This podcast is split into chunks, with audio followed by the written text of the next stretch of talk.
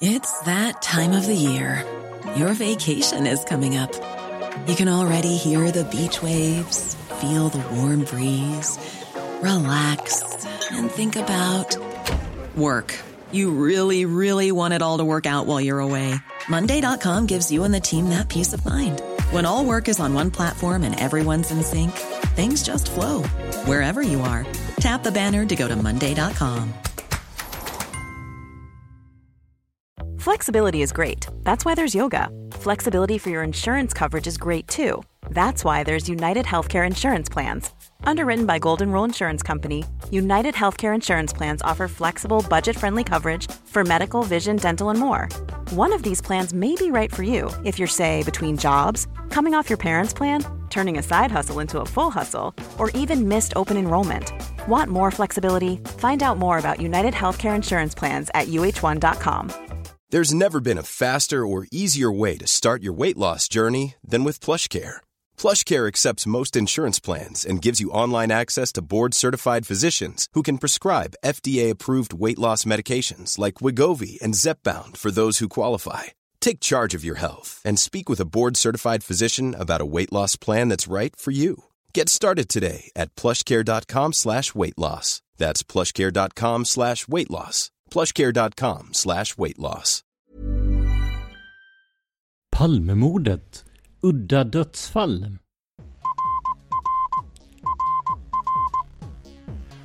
Sveriges statsminister Olof Palme är död. 90 000. Ja, det är mord på Sveavägen. Hörde de säger att det är Palme som är skjuten. Mordvapnet med säkerhet är en Smith Wesson, en revolver kaliber .357. Inte ett svar. Finns inte ett svar. För jag har inget. Och jag har inte varit Varför skulle jag göra Polisen söker en man i 35 till 40-årsåldern med mörkt hår och lång mörk rock. Välkommen till podden Palmemordet som idag görs av mig, Tobias Henriksson på PRS Media. Den här gången tänkte vi titta lite på de dödsfall som drabbat utredningen, varav en del har lite konstigare omständigheter än andra. Idén kom när vi förra veckan tittade på Milan Valverius som obducerade Palme. Han och hans fru dog på samma dag och det förekom en hel del spekulationer om vad som låg bakom. Om ni vill veta mer om det, lyssna på Mytmosarna 3, Den döde statsministern. Och det är värt att tänka på att vi inte säger att det ligger fult spel bakom de här dödsfallen. Vi vill bara ta upp ämnet. Ni som lyssnar får själva bilda er en uppfattning om huruvida ni tycker att de här fallen är konstiga eller inte. Jag tänkte att vi skulle börja med den person som på något sätt kommit att förkroppsliga Palmemordet, nämligen Christer Pettersson. Den missbrukande alkoholisten från Rotebro var ju den enda som prövades rättsligt som möjlig gärningsman till mordet. Även om fler och fler verkar tycka att han är en osannolik mördare. Och om ni vill höra hela Christer Petterssons livshistoria med fokus på hans eventuella roll i Palmemordet, gå in på patreon.com palmemordet Alltså patreon.com snedstreck Palmemordet. Där finns ett spår som heter just Christer Pettersson. Och om vi når finansieringen för det så kommer Dan och jag att grotta ner oss i denna mycket intressanta person. Vi börjar med att citera en artikel i Aftonbladet av Richard Aschberg och Lennart Hård som publicerades den 30 september 2004. Citat. Christer Pettersson greps av polis och fördes till sjukhus. Där avled han senare. Polisen kommer nu att undersöka hans död. Han sa något till polisen som grep honom, att det gjorde ont och att något hade knäckts till i armen, säger kriminalinspektör Björn Lundgren. Christer Pettersson dog igår klockan 12.55. Han blev 57 år. På eftermiddagen den 15 september släppte två poliser av Christer Pettersson på Karolinska sjukhusets akutmottagning. Han var på gott humör trots sina smärtor, enligt vittnen. Han pratade med sjuksköterskorna och uppträdde inte alls konstigt, berättar en patient som såg honom i väntrummet. Christer Pettersson klagade på svåra smärtor. Han hade långt tidigare blivit opererad i ena armen och nu gjorde det ont igen. Tidigare denna dag hade Christer Pettersson, som så många gånger tidigare, varit i Sollentuna centrum. Enligt uppgift ska han ha besökt socialkontoret och där ska motsättningar ha uppstått. Vi fortsätter alltså att citera Aftonbladet här. Efter besöket gick Pettersson ut till parkbänken där han brukade träffa sina kompisar. Plötsligt kom en polisbil och parkerade här, berättar en man som vi kan kalla Johan. Jag såg hur de slet tag i Pettersson och bröt upp armarna bakom hans rygg. Johan uppger att det var en manlig och en kvinnlig polis. En av poliserna slet enligt Johan av Petterssons jacka och båda uppträdde hårdhänt. Aj, aj, det gör ont, ni skadar mig, skrek Pettersson enligt Johan. Han gjorde inget motstånd. Jag fattar inte varför det blev så här, säger Johan. Johan uppger att han sen såg hur poliserna körde iväg i polisbilen med Christer Pettersson. Kriminalinspektör Björn Lundgren vid Norrortspolisen i Stockholms län ska nu utreda vad som hänt. Det blev först en rättsmedicinsk undersökning och vi avvaktar nu resultatet av den. Är det något konstigt så hör rättsläkaren av sig. Aftonbladet. Skadade han sig på något sätt vid gripandet? Lundgren. Ja, eller om han kände av något i armen just då. Aftonbladet. Har du varit i kontakt med patrullen som grep Pettersson? Lundgren. Nej. Björn Lundgren kommer nu att samla in uppgifter från olika håll om vad som har hänt. Lundgren. Vi får se vad rättsläkaren säger. Framkommer det något så kan det bli en internutredning, säger Björn Lundgren. Det finns idag ingenting som pekar på att Pettersson skulle ha fått sin skallskada i samband med polisens ingripande. När Petterssons arm hade behandlats efter gripandet fördes han från Karolinska Universitetssjukhuset till Sankt Görans sjukhus för tillnyktring. Han var påverkad men kunde prata. Han låg kvar över natten och på morgonen dagen efter upptäckte personal på Sankt Görans sjukhus att Pettersson var medvetslös. Han fördes då återigen till akuten på Karolinska sjukhuset. Läkarna konstaterade att han hade en skallfraktur på drygt 10 cm och en svår inre blödning i hjärnan. När han kom till oss på neurokirurgen så var han medvetslös, säger överläkare Bo Mikael Belander, som är chef för NIVA, neurointensivvårdsavdelningen. Vid operationen öppnade läkarna upp kring frakturen för att ta bort blodet och sänka trycket. Han var djupt medvetslös hela tiden, säger Belander. Han kunde därför inte säga något, varken om Palmemordet eller något annat. Belander? Nej, han har inte avslöjat om det var han eller någonting. Pettersson fick näring genom dropp och andades med hjälp av respirator. Igår klockan 12.55 avled Pettersson i patientrum 7 på NIVA. Han hade en svår skallskada och kroppen orkade inte längre, säger Bo Mikael Belander.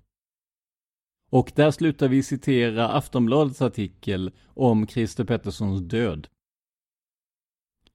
Så det här var alltså vad som hände den före detta misstänkte för Palmemordet. Senare konstaterades att Christer på väg ut från sjukhuset drabbats av ett epileptiskt anfall som gjorde att han handlöst fallit till marken och skadat huvudet mycket svårt. Dödsorsaken, enligt rättsläkarna, var skallskadan i samverkan med lunginflammation och en allmän organsvikt. Men var det då något skumt eller mystiskt med Petterssons död? Som vanligt är det svårt att säga, då olika källor säger olika saker. Men det har gått rykten om att Pettersson innan sin död velat träffa familjen Palme och be om ursäkt. Enligt Lennart Hård på Aftonbladet fanns det konkreta planer på en träff mellan Christer Pettersson och Mårten Palme. Men den misstänkte mördarens död kom emellan. Pettersson sa till Hård att han ville be Lisbeth Palme om ursäkt. För att du sköt hennes man, undrar Hård. Men detta förnekar Pettersson och säger istället att det handlar om att Lisbeth kanske tyckte att han var för obostad eller rent av oförskämd mot henne under rättegången. Vad som skulle avhandlas på det här mötet vet vi alltså inte. Och inte heller vet vi vad som är konstigt eller inte med Petterssons död. Men om det inte är något märkligt kan man ju tycka att döden kom vid helt fel tillfälle. Då vi kanske skulle fått reda på mer om Pettersson och vad han gjorde den där ödesdigra dagen den 28 februari 1986. Men även andra misstänkta för Palmemordet har ju lämnat oss på eh, ganska spektakulära sätt. Som vi pratade om för några veckor sedan avrättades ju den så kallade 33-åringen Victor Gunnarsson i North Carolina i USA. En före detta polis dömdes senare för mordet trots att en annan person erkänt det och hade såväl motiv som möjlighet att genomföra det. Det här lutar såklart åt en tragisk slump, men det finns vissa som tror annat. Bland annat sägs det att Palmeutredningen just vid mottillfället på Viktor Gunnarsson befann sig i USA för att konferera om den nya gärningsmannaprofil som skulle göras. Vad kopplingen mellan dem och en misstänkt mördare som frigavs många år tidigare skulle vara är idag höljt i dunkel. Och vem minns inte Christer A, eller GH som han kallas av granskningskommissionen? Han sköt sig själv när polisen kom och knackade på för att en anhörig till Christer var orolig för honom. Visst, det är såklart inget man förväntar sig, att polisen ringer på mitt i natten. Men att skjuta sig själv för det är väl att gå ett steg för långt. I intervjuer med den danske författaren Paul Smith som gjordes för podden säger denna att han tror att Christer A har mer att svara för. Och att han tog hemligheten om Palmemordet med sig i graven. Även bland uppgiftslämnare och utredare har en del uppseendeväckande dödsfall märkts. Inte minst gäller detta Ingvar Heimer, som kan sägas vara mötesscenariots fader. Idag har bland andra Gunnar Wall tittat mer på det scenariot. Och det kan du höra om här i podden, då Dan intervjuar Wall. Heimel la mycket av sin tid på det här spåret. Och det sista som skrevs på hans hemsida innan bortgången var citat Varför ljuger Mårten? Vad är det han måste dölja? Jag kan inte lista ut det, men hoppas få hjälp av de proffsiga poliserna i Palmegruppen. Slutcitat.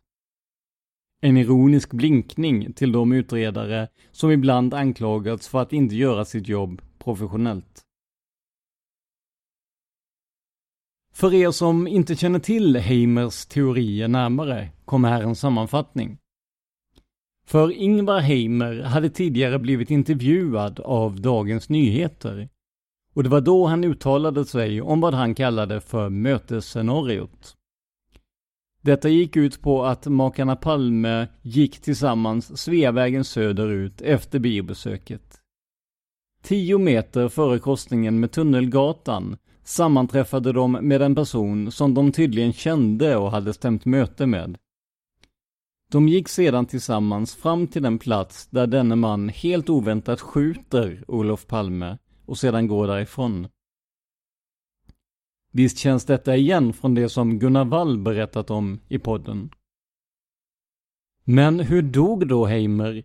Och vad är det som gör att folk ser det här dödsfallet som mystiskt?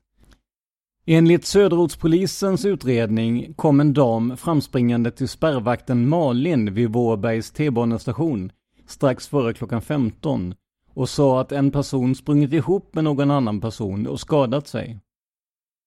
En passagerare skulle ha ringt efter ambulans på sin mobiltelefon. Malin sprang ner och fick uppfattningen att mannen som låg vid perrongen krockat med någon som kom från tåget han skulle åka med. Hon fick inte reda på vem det var. Hon hade inte märkt när Heimer passerade biljettkuren. Heimer hade varit vid medvetande och gjorde försök att resa sig upp. Det var mycket folk omkring honom och någon övertygade honom om att han skulle lägga sig ner igen. Ambulansföraren Monica rapporterade att hon och hennes kollega fått larm klockan 14.54 om att någon på Vårbergs station skadat sig. Hon fann Heimer liggande på perrongen. Han andades, men var inte kontaktbar. Han låg i framstupa sidoläge med en väska under huvudet. Ingvar Heimer togs in till akuten på Huddinge sjukhus. Senare samma kväll överfördes han till neurointensiven vid Karolinska sjukhuset. Enligt Ingvar Heimers ex-sambo hade han åkt från Masmo till Vårberg för att lämna in en spelkupong. Han var nykter och fullt frisk. Citat. Ex-sambon kunde inte förstå hur olyckan inträffat. Heimer var mycket kvick och vaksam. Hon misstänker att han hade bråttom till tåget och snubblat i någon trappa, slutcitat, står det i utredningen. Enligt en polisanmälan som gjordes den 10 mars, dagen efter Heimers död, var det ambulansen vid Karolinska sjukhuset som fick larmet. Det handlade om att någon fallit omkull vid Vårbergs station. Dagen efter att han kommit till Huddinge sjukhus fördes han alltså till Karolinska sjukhuset. Citat.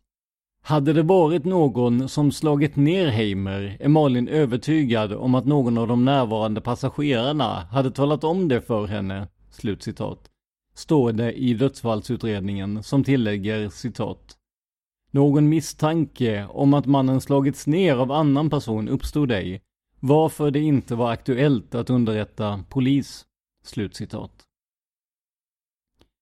Det som jag tycker är intressant här, oavsett hur han dog, är vem som la honom i framstupa sidoläge. Den personen kanske hade mer information om hur olyckan gått till, om det var en sådan. Och enligt de källor jag fått tag i ska Heimer ha haft ett sår i bakhuvudet. Om man exempelvis ramlar i en trappa eller rulltrappa, vore det inte mer sannolikt att såret fanns i pannan, som borde vara först med att slå i stengolvet? Vi lär väl aldrig få något egentligt svar på detta, men eh, Heimers död fortsätter att fascinera många intresserade av mordet. Som sagt, det finns personer som lämnat märkliga uppgifter om mordet som lämnat oss på bitvis konstiga sätt. Ett annat exempel på den här kategorin är Rolf Dahlgren, som var anställd av Palmeutredningen som chaufför åt Hans Holmer. Som ni minns säger ju Holmer själv att han var i Borlänge och skulle till Sälen för att åka Vasaloppet när mordet skedde. Men bland andra journalisten Sven Aner menar tvärtom. Istället skulle Holmer ha varit i Stockholm. Vi kommer nu att citera ett långt dokument som dåvarande riksdagsmannen Jerry Mattinger upprättade om Holmers och Dahlgrens förehavanden på mordnatten. Det här dokumentet har publicerats på Anders Jalais hemsida, jalai.se, och ska vara Dahlgrens egna redogörelser nedtecknade av Mattinger. Och innan vi börjar citera kan vi konstatera att Dahlgren själv framfört samma historia till numera avlidne Gösta Söderström, alltså han som var första polis på plats efter mordet. Vi kan också säga att vi har kontakt med Anders Jalaj och skulle gärna vilja intervjua honom. Vi håller er givetvis uppdaterade om det blir så och i så fall när. Citat. Vid ifrågavarande tidpunkt tjänstgjorde Dahlgren bland annat som chaufför åt länspolismästare Hans Holmer. Tjänstgöringen följde i allmänhet en på förhand uppgjord tidsplan, men kunde ibland också innebära plötsliga, ej planerade inhopp. Den 28 februari 1986, alltså morddagen, var det meningen att Dahlgren skulle tjänstgöra under tiden 15.00 till 24.00. Strax efter lunch blev han emellertid uppringd av Hans Holmer, som uppgav att Dahlgren kunde vara ledig nämnda dag, bortsett från att han måste utföra en hämtning på Stockholms central under mitten av eftermiddagen, 15.00. Dahlgren strök då den anteckning om tjänstgöring som han gjort i sin dagbok, samtidigt som han talade med Holmer i telefon. Som skäl för att ge Dahlgren ledigt uppgav Holmer följande, citat. Jag avser inte att vara i Stockholm under kvällen. Slut citat. Vi fortsätter citera PMet som Jerry Martinger upprättade. Dahlgren vet inte varifrån Holmer ringde, men han utgick från att samtalet kom från Holmers tjänsterum på polishuset. Holmer sa till Dahlgren att en mansperson skulle hämtas vid centralstation och därefter köras till Slottskajen. Ryan Reynolds here from Mint Mobile. With the price of just about everything going up during inflation, we thought we'd bring our prices down. So to help us, we brought in a reverse auctioneer, which is apparently a thing. Mint Mobile unlimited premium wireless. Ready to get 30, 30, bit to get 30, bit to get 20, 20, 20, bit to get 20, 20, bit to get 15, 15, 15, 15 just 15 bucks a month. So, Give it a try at mintmobile.com/switch. slash $45 up front for 3 months plus taxes and fees. Promo rate for new customers for limited time. Unlimited more than 40 gigabytes per month slows. Full terms at mintmobile.com. Hiring for your small business? If you're not looking for professionals on LinkedIn, you're looking in the wrong place. That's like looking for your car keys in a fish tank. LinkedIn helps you hire professionals you can't find anywhere else, even those who aren't actively searching for a new job but might be open to the perfect role. In a given month, over 70% of LinkedIn users don't even visit other leading job sites. So start looking in the right place. With LinkedIn, you can hire professionals like a professional. Post your free job on linkedin.com slash people today. How would you like to look five years younger? In a clinical study, people that had volume added with Juvederm Voluma XC in the cheeks perceived themselves as looking five years younger at six months after treatment. Look younger, feel like you. Add volume for lift and contour in the cheeks with Juvederm Voluma XC. Reverse signs of aging by adding volume to smooth laugh lines with Juvederm Volure XC. For important safety information and to find a licensed specialist, visit juvederm.com. That's J U V E D E R M.com. Not for people with severe allergic reactions, allergies to lidocaine, or the proteins used in Juvederm. Common side effects include injection site redness, swelling, pain, tenderness, firmness, lumps, bumps, bruising, discoloration, or itching. There's a risk of unintentional injection into a blood vessel, which can cause vision abnormalities, blindness, stroke, temporary scabs, or scarring. Talk to a licensed specialist to find out if it's right for you. Här blev Dahlgren tillsagd att vänta medan mannen uträttade ett ärende. Enligt Holmer skulle mannen sedan transporteras till polishuset. Tidpunkten för nämnda hämtning var ungefär den tid då Dahlgrens tjänstgöring egentligen skulle börja. Alltså någonstans omkring klockan 15. Dahlgren fick uppfattningen att den person som han skulle hämta var en polisman som kommit med tåg från någon annan del av Sverige. Men att det skulle handla om en polis var bara en gissning från Dahlgrens sida. Dahlgren kände inte heller igen den person som han mötte vid centralen. Enligt Dahlgren såg mannen ut att vara en chefsperson i 60-årsåldern, men även detta var en gissning från Dahlgrens sida. Mannen presenterade sig inte ens för Dahlgren, men hade inga problem att finna fram till Dahlgrens bil, eftersom han tydligen var förberedd på såväl bilens som Dahlgrens utseende. Vid Slottskajen var det mycket trångt med bilar, men Dahlgren hittade en tom parkeringsruta som låg närmast Mynttorget. I samband med att mannen steg ur bilen passerade moderate partiledaren Ulf Adelsson förbi och mannen, som inte sagt något till Dahlgren under hela färden, sa då citat ”Titta, där går Adelsson”. Slutcitat. Dahlgren fick inte uppfattningen att mannen var närmare bekant med Adelsson på något sätt. Bara att mannen kände igen Adelsson när han såg honom gå in i ett av husen vid Mynttorget ett stycke från bilen. Mannen som Dahlgren hade hämtat var borta cirka 20 minuter. Men Dahlgren vet inte åt vilket håll denne begav sig. På särskild fråga uppger Dahlgren emellertid att han är ganska säker på att det inte var till något av riksdagens hus som mannen gick.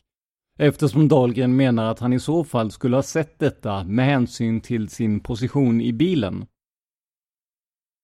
När mannen kom tillbaka hade han mycket bråttom och uppgav att han nu måste skynda sig till polishuset. Dahlgren blev stressad och råkade i samband med att han backade ut från parkeringsrutan köra emot en annan bil. Han steg ur sin bil och tittade på den påkörda och såg att en mindre skada uppstått på den andra bilens ena bakskärm. Dahlgren sa till den skjutsade mannen att han inte kunde åka iväg eh, utan vidare, utan måste ordna upp det inträffade med den andra bilens ägare. Men det gjorde den andra mannen upprörd. Det har vi för helvete inte tid med, sa denne med hög röst. Jag tar numret och ordnar den saken senare, sa mannen, varefter Dahlgren körde iväg. Under färden från Slottskajen till polishuset förekom inte något samtal mellan Dahlgren och mannen han skjutsade. När man kom fram till polishuset underströk mannen att han ville köra ner i polishusets garage, vilket Dahlgren gjorde. Nere i garaget stod två personer, som Dahlgren uppfattade som yngre polismän, och väntade på mannen. Efter det att Dahlgren utfört skjutsningsuppdraget körde han hem till sin bostad på Nedre Kungsholmen. Han brukade ibland ta med sig bilen hem för den händelse att det skulle dyka upp något plötsligt uppdrag. Och eftersom den aktuella dagen hade börjat lite konstigt med ett hämtningsuppdrag trots inställd tjänstgöring ville Dahlgren vara på den säkra sidan. Vid 16.15 tiden kom två manliga kollegor på besök till Dahlgrens bostad. Kollegorna hade med sig en flaska whisky. Eftersom Dahlgren sällan drack sprit och dessutom hade en egendomlig känsla av att det skulle dyka upp något extrauppdrag under kvällen, lät Dahlgren kollegorna dricka ensamma. Dahlgren gjorde i ordning lite kaffe åt sig själv och de tre satt sedan och pratade i ungefär en timme. Därefter hämtades kollegorna av den enes fästmö. Bara några minuter efter det att kollegorna lämnat Dahlgrens lägenhet kom en annan polisman helt oväntat till Dahlgren. Han kände inte igen denne polisman närmare, men vet att vederbörande jobbade nära Hans Holmer. Den besökande polismannen uppgav att han medförde ett uppdrag från Holmer som innebar att Dahlgren, trots tidigare besked om ledighet, skulle tjänstgöra under kvällen och hämta Holmer vid en viss tid. Dahlgren vill inte uppge på vilken plats som han skulle hämta Holmer, men säger att platsen i fråga låg citat ganska många mil från Stockholm, slutcitat. Dahlgren vill heller inte närmare gå in på frågan vid vilken tid han skulle hämta Holmer eller på vilket sätt han skulle ta sig till platsen för hämtningen. På särskild fråga huruvida hämtningen skulle ske på vanligt sätt, det vill säga med bil, uppger Dahlgren att han i nuvarande läge är förhindrad att svara på det. Men Dahlgren lovade att eventuellt återkomma på denna punkt. Med anledning av att Dahlgren inte vill lämna några uppgifter om hur hämtningen av Holmer gick till uppstår här en lucka i berättelsen. Dahlgren uppger sedan att han och Holmer från ungefär klockan 22.30 kryssade runt i Stockholm på ett sätt som Dahlgren hade svårt att förstå. Holmer gav hela tiden Dahlgren order om att köra runt till olika platser. Dahlgren uppger att det nästan kändes som att han körde omkring med en turist som bara skulle se sig omkring. Vid 22.45-tiden, när han befann sig vid Mariatorget, steg Holmer ur bilen och gick fram till en husingång invid något slags hotell. Dahlgren såg hur Holmer där pratade med en man i porten och på väg ut från denne gav mannen Holmer en kvällstidning. Dahlgren uppger att han på grund av mörker hade svårt att iaktta den andra mannens utseende. Efter det att Holmer satt sig i bilen bad den andra mannen Dahlgren att vänta några minuter medan Holmer läste något i tidningen. Därefter fortsatte färden in mot de mer centrala delarna av stan. Olika delar av Sveavägen passerades därvid ett flertal gånger. Och det här är alltså ett citat ur det PM som Dahlgren berättade för Jerry Mattinger. Den man som Dahlgren skjutsat tidigare under eftermiddagen hämtades vid Operan några minuter före 23 och åkte med runt kvarteret i Rådmansgatan ett flertal gånger. Det verkade som om mannen och Holmér letade efter något eller någon där, varefter mannen släpptes av i trakten kring Odenplan. Dahlgren minns inte exakt till vilken adress som mannen i fråga transporterades. Strax före 23.30 befann man sig vid ena kanten av Hagagatan. Det är oklart om Dahlgren menar den norra eller södra delen av gatan. Holmér steg där ur bilen och gick fram till en man i 25-årsåldern, cirka 10 meter bort. Det verkade som om Holmer hade stämt möte med mannen eftersom Holmer strax dessförinnan givit Dahlgren order om att köra till just denna plats. Efter några minuter kom Holmer tillbaka och berättade att Olof Palme blivit skjuten på Sveavägen. Färden fortsatte därefter mot den plats där mordet på Palme skulle ha ägt rum. Dahlgren tyckte då att det var konstigt att Holmer inte ville stanna på platsen där det nu samlats en hel del folk. Men Dahlgren fick bara order att rulla sakta förbi. Dahlgren är säker på att han och Holmer passerade mordplatsen sju minuter efter mordet. Någon halvtimme senare, när man efter fortsatt rundkörning i Stockholms centrala delar befann sig på Norr fick Dahlgren order om att stanna bilen och hämta en väntande kvinna i 50-årsåldern. Kvinnan skjutsades till en adress i Sundbyberg. Dahlgren minns inte adressen, men han minns att han, en stund efter att kvinnan lämnat bilen och man kört från platsen, upptäckte att kvinnan glömt kvar någon slags jacka eller dylikt i bilen. Dahlgren fick slutligen order om att köra till Mälarhöjdens tunnelbanestation och där lämnade han av Holmér strax före klockan 00.30. I samband med att Holmér steg ur bilen påminde han Dahlgren kraftfullt om Dahlgrens tystnadsplikt avseende hans uppdrag för Holmér under dagen och kvällen. Innan Dahlgren körde från platsen såg han att Holmér steg in i en mörkblå Volvo i vilken det förutom föraren satt minst ytterligare en person. Den kvarglömda jackan tycktes inte vara något problem eftersom Holmer tog med sig den när han lämnade Dahlgrens bil. Och där slutar vi citera det här PMet som alltså upprättades av Jerry Mattinger efter samtal med Rolf Dahlgren. Om det här stämmer så är det såklart häpnadsväckande uppgifter. TV3 lyckades få uppgifterna bekräftade av Dahlgren själv vid en intervju genom dennes brevinkast. Han sa då också att han utsatts för påtryckningar för att inte berätta om den kvällen. När Dahlgren avled 1994 konstaterades det att det berodde på alkoholförgiftning. Men bredvid kroppen låg flaskor av ett märke som Dahlgren inte brukade dricka. Det här har fått en del konspirationsteoretiker att tro att Dahlgren tystades för att han kom med uppgifter som inte var önskvärda i utredningen. Och skulle uppgifterna vara sanna så är de såklart helt sensationella. Men jag misstänker att vi har anledning att återkomma till den här storyn i ett eget avsnitt. Givetvis finns det många fler personer som dött i direkt eller indirekt anslutning till utredningen. Men det är svårt att veta vilka som kan klassas som misstänkta och inte. Till exempel dog ju Anders Larsson, som innan mordet tipsade om att det skulle hända, av oklara omständigheter. I källorna finns allt från självmord till sjukdom nedskrivet.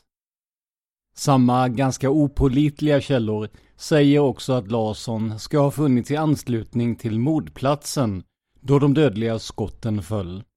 Men detta låter som rena spekulationer i mina öron. Går vi utanför landets gränser så finns även där saker som kan tyckas märkliga och som kan ha koppling till mordet. Till exempel dog den sydafrikanske spionen Peter Castleton i en olycka där han klämdes till döds av en lastbil som skulle lagas. Han hade tidigare antytt att han visste att Craig Williamson låg bakom mordet. Olyckligtvis dog Castleton dagen innan han skulle vittna inför den sydafrikanska sanningskommissionen om bland annat det här. Om man kollar på nätet finns det åtskilligt fler personer som omkommit på olika oklara sätt och som på ett eller annat sätt skulle kunna kopplas till Palmemordet. Men i de flesta fall verkar det vara lösa spekulationer. Som ett exempel tar sidan palmemordet.fandom.com upp ett 20-tal dödsfall, allt från överdoser till sjukdomar eller påstådda självmord. Men om ni själva vill titta på det här så är det värt att tänka på att folk faktiskt dör av naturliga orsaker också. Jag kan själv känna att det kan verka mystiskt med vissa av fallen. För att sedan konstatera att det gått över 30 år sedan det hände. Och att även de inblandade personerna blir äldre. Så jag är inte övertygad om att alla, eller ens många, av de dödsfall som finns med dels har något med utredningen att göra, dels är speciellt oväntade eller mystiska. Jag har valt ut dessa för att ge en mångtydig bild av de olika dödsfall som drabbat utredningen. Och som sagt, alla de här dödsfallen kan såklart ha en alldeles naturlig förklaring. Men vi ville visa på några av de saker som diskuteras på nätet och som gäller döda personer i anslutning till utredningen. Vilka av de här eller andra dödsfall tycker du verkar mystiska? Tror du på teorierna om att obekväma personer kan ha tystats? Gå in på facebook.com palmemordet och ge oss din åsikt. Slutligen så har vi ett meddelande som vi fick på Facebook från Nils Patrik Johansson från Astral Doors eh, vi pratade ju om obduktionen av Olof Palme förra veckan. Och eh, Nils Patrik skriver Onödig fakta må hända, men pappas företag gjorde det obduktionsbord som Palme obducerades på. Och Milan, alltså Milan Valverius, obducent, ringde till pappa för att berätta detta. Milan sa, hade de skjutit statsministern på operationsbordet hade vi ändå inte kunnat rädda honom. Tack för det Nils Patrik. Och de uppgifterna om att han inte skulle kunna räddas om han så hade skjutits på operationsbordet stämmer ju mycket överens med det som eh, vi redogjorde för i förra veckans avsnitt. Vill ni höra mer av Dan nu när jag gjort ett antal avsnitt på rad? Kolla in Seriemördarpodden och dess systerpodd Massmördarpodden på Facebook. Där finns länkar till var ni hittar själva avsnitten. Seriemördarpodden har tagit upp en massa hemska fall. Allt från den mordlystna norska immigranten Bell till fruktansvärt obehagliga Pee Wee Gaskins. Massmördarpodden fokuserar mer på folk som mördat många vid ett och samma tillfälle. Och nyligen har ni bland annat fått höra om den stora skolskjutningen på Sandy Hook Elementary School. Och i ett samarbete mellan Massmördarpodden och min egen podd Tänk om så gjorde vi ett avsnitt om Sandy Hook Elementary där vi fokuserade på konspirationsteorierna som omgav det här fallet. Om ni vill lyssna på det avsnittet, sök på Tänk om på Facebook eller i valfri poddklient. Det här avsnittet gjordes av mig, Tobias Henriksson på PRS Media.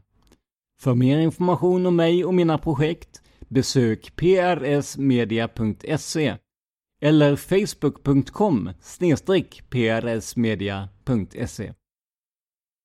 Tack för att du lyssnar på podden Palmemordet. Man hittar Palmes mördare om man följer PKK-spåret till botten.